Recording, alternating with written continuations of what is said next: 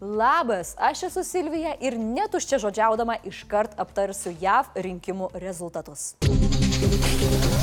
Amerikoje raudonos bangos nebuvo ir respublikonai su trenksmu dėja negryžo. Tai nėra geriausia žinia Trumpui, turbūt ketinančiam savo kandidatavimu įnešti chaoso. Senate demokratai išlaiko daugumą, o atstovų rūmose respublikonai laimės tik keliais mandatais ir turės gana trapę daugumą. Tam, kad respublikonai įgytų Senato kontrolę, reikalinga 51 vieta, o atstovų rūmus 218 vietų. Senato kontrolę gali spręstis Džordžijos valstijoje gruodį, nes nei demokratas pastorius Rafaelis Varnokas, nei Trumpo remiama futbolo žvaigždė Heršilas Volkeris nesurinko pergaliai būtinų 50 procentų balsų. Yra nemenka tikimybė, kad Senato kėdės bus padalintos per pusę. Tada sprendimą iš esmės lemtų viceprezidentės balsas ir reikštų, kad demokratai laimi. Jei demokratai visgi išlaikys Senatą, jie galės dėkoti savo vienam pagrindinių lozungų - abortų įteisinimui. O kam turėtų dėkoti respublikonai? Well, I think if they win, I should get all the credit, and if they lose, I should not be blamed at all. Iš tikrųjų, respublikonams padėjo beprotiška infliacija. Viena įdomiausių kovų vyko Pensilvanijos valstijoje, kur senatoriaus rinkimuose grūmėsi demokratų kandidatas Jonas Fettermanas ir respublikonas Mehmetas Ozas, geriau žinomas kaip daktaro Ozo pseudonimu. Deja, kontroversiškai TV asmenybei nepavyko. Itin svarbę senato kėdę nušvilpė Fettermanas. Verta paminėti ir istorinius įvykius šiuose rinkimuose. Massachusetts'e rinkėjai išrinko demokratę Maurą Helai, tapusią pirmąją homoseksualumo neslepiančią gubernatorę. 25 metų demokratas Maxwellas Frostas tapo pirmuoju Z kartos atstovu išrinktų į atstovų rūmus. Naujasis Hampshire'as tapo pirmąją istorijoje valstyje išsirinkusią translytį vyrą Jamesą Rosenerį į įstatymų leidžiamąją valdžią. Be to, penki žmonės, kurie neigia Bideno pergalę, nelaimėjo gubernatorių kėdžių. Kita vertus, agresyvių rinkimų neįgėjų pateko daugiau nei šimtas. Tad jei norite apie vidurio kadencijos rinkimus sužinoti daugiau, suprasti, kuo jie svarbus, kaip veikia ir ką lemia, rekomenduoju pažiūrėti Spręskite patys ir mūsų kolegos Igno Kinčino explainerį apie midtermus. Be to, nepamirškite mus prenumeruoti, tad gausite vat tokias gerybės pirmieji. Ar žinote, kas pasikeis JAV po šių rinkimų? Tikrai nesantykiai su Rusija. Nejuokinga, bet tiesa, bent jau taip sako Dimitrius Peskovas, kad dabartiniai mūsų ryšiai yra blogi ir jie išliks blogi. Tai va to ir linkiu nes karo nusikaltėliai ir teroristai nepavarksta atakuoti Ukrainos civilių.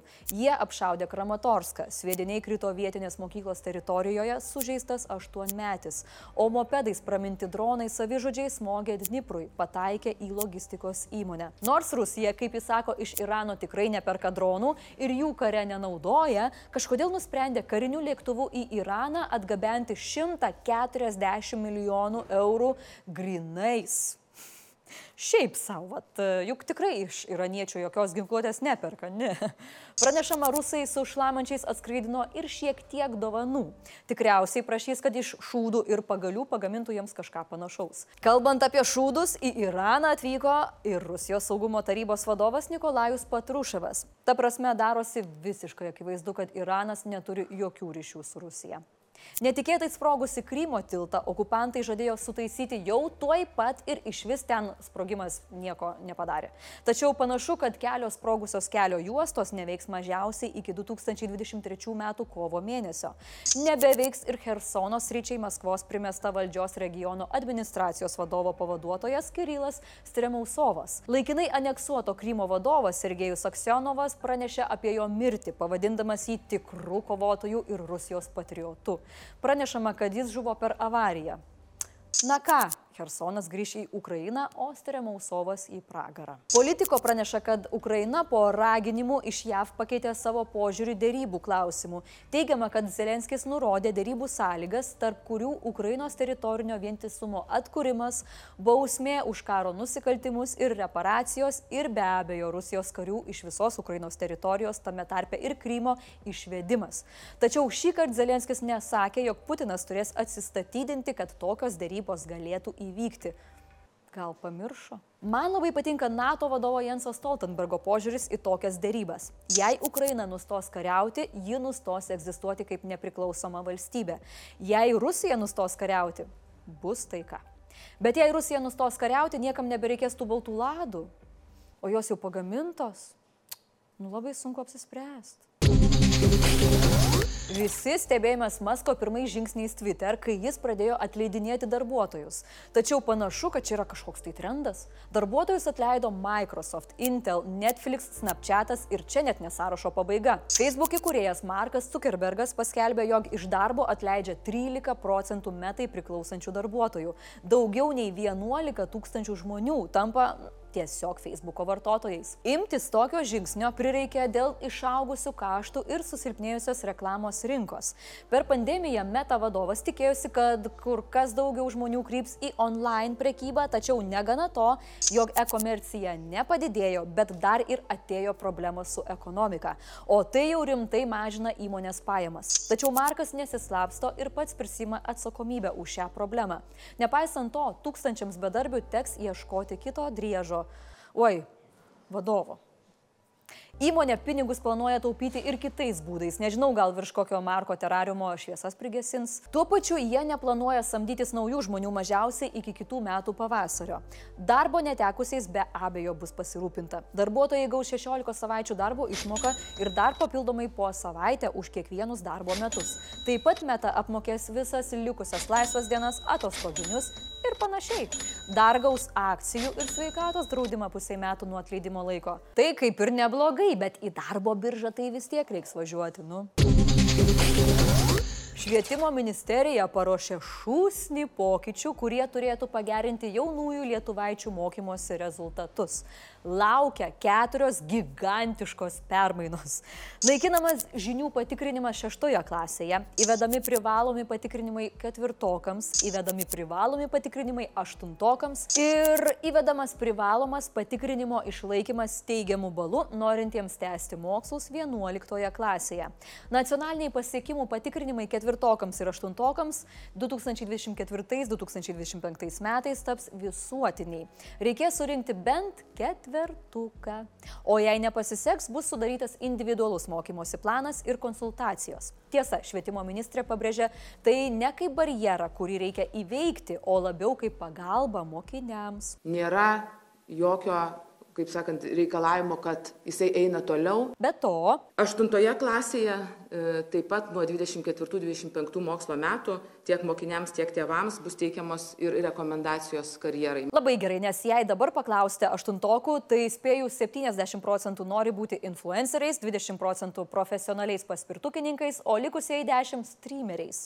Norint įgyti vidurinį išsilavinimą nuo 24 metų reikėtų išlaikyti du valstybinius brandos egzaminus - lietuvių kalbos ir pasirinktą kitą. Kitaip tariant, nebelieka mokyklinių, tik valstybiniai. O nuo 26-ųjų reikėtų jau trijų tokių egzaminų. Kam čia reikia tokių pokyčių? Na, jei trumpai, tai pernai vykęs pagrindinio ūkdymo pasiekimų patikrinimas parodė nemalonių dalykų. Dabar turime apie pusę procento mokinių, kurie net neužsirašo savo vardo atėję į pagrindinio ūkdymo pasiekimų patikrinimą. Kitaip tariant, bent už vardų užsirašymą buvo galima gauti bent tašką. Jie nesugebėjo net to. Galima pasidžiaugti nebent tuo, kad Lietuvoje pagrindinį ūkdymą įgyja visas 100 procentų mokinių, kai ES vidurkis yra 95 procentai. Nuvalio. Blitz naujienos. NATO viršūnių susitikimas Vilniuje vyks kitą metą Liepos 11-12 dienomis, pranešė Alijanso vadovas Jensas Stoltenbergas. Jis apie oficialią susitikimo datą informavo Alijanso narių atstovus. Mūsų užsienio reikalų ministras Gabrielius Landsbergis sakė, kad tikisi, jog šis susitikimas bus pergalės šventė. Seimo antikorupcijos komisijos pirmininkas demokratas Algirdas Tončaitis atmetė valdančiųjų siūlymą nusišalinti nuo pareigų, kol nebus atsakyta į klausimus dėl galimų jo ryšių su teisės saugai žinomais asmenimis. Tokį siūlymą pateikė visi septyni Seimo antikorupcijos komisijos nariai iš valdančiųjų frakcijų. Šiaurės Koreja paleido mažiausiai vieną balistinę raketą. Tai dar vienas Pchenjano raketų bandymas po ankstesnės rekordinės ginklų bandymo virtinės. Paleidimas įvyko JAV skaičiuojant rinkimų balsus. Seulo žvalgyba perspėjo, kad tai gali būti tinkamas momentas Kim Čeng-unui atlikti ilgai lauktą brandolinį bandymą. Žinot tą jausmą, kai kažkas iš jūsų draugų turi valti, įsėdat vasarą į ją ir paspaudžia gazą, tada taip lėkėt per vandenį ir įkišat ranką į vandenį ir būna taip smagu. Tai va, jis tai tikrai žino. looking for adventure and whatever comes our way. Komentarai, komentariukai. Po vakarykštėmis žiniomis Gabija Alksnė uždavė iš ties įdomų klausimą. Iš kur Timūra žino, kiek kainuoja krūtų didinimo operacija? Reikės ir man paklausti iš tikrųjų, kai sutiksiu. Ta prasme, ne kiek kainuoja, o iš kur jisai žino, aišku. Tas žmogus iš penkto aukšto klausia, ar galim parodyti jo komentarą. Prašau, galim. O gali padėti laiką ir prenumeruoti mūsų kanalą? Paslauga už paslaugą. Ir tada pasimatykime rytoj. Ačiū Jums tiek žinių.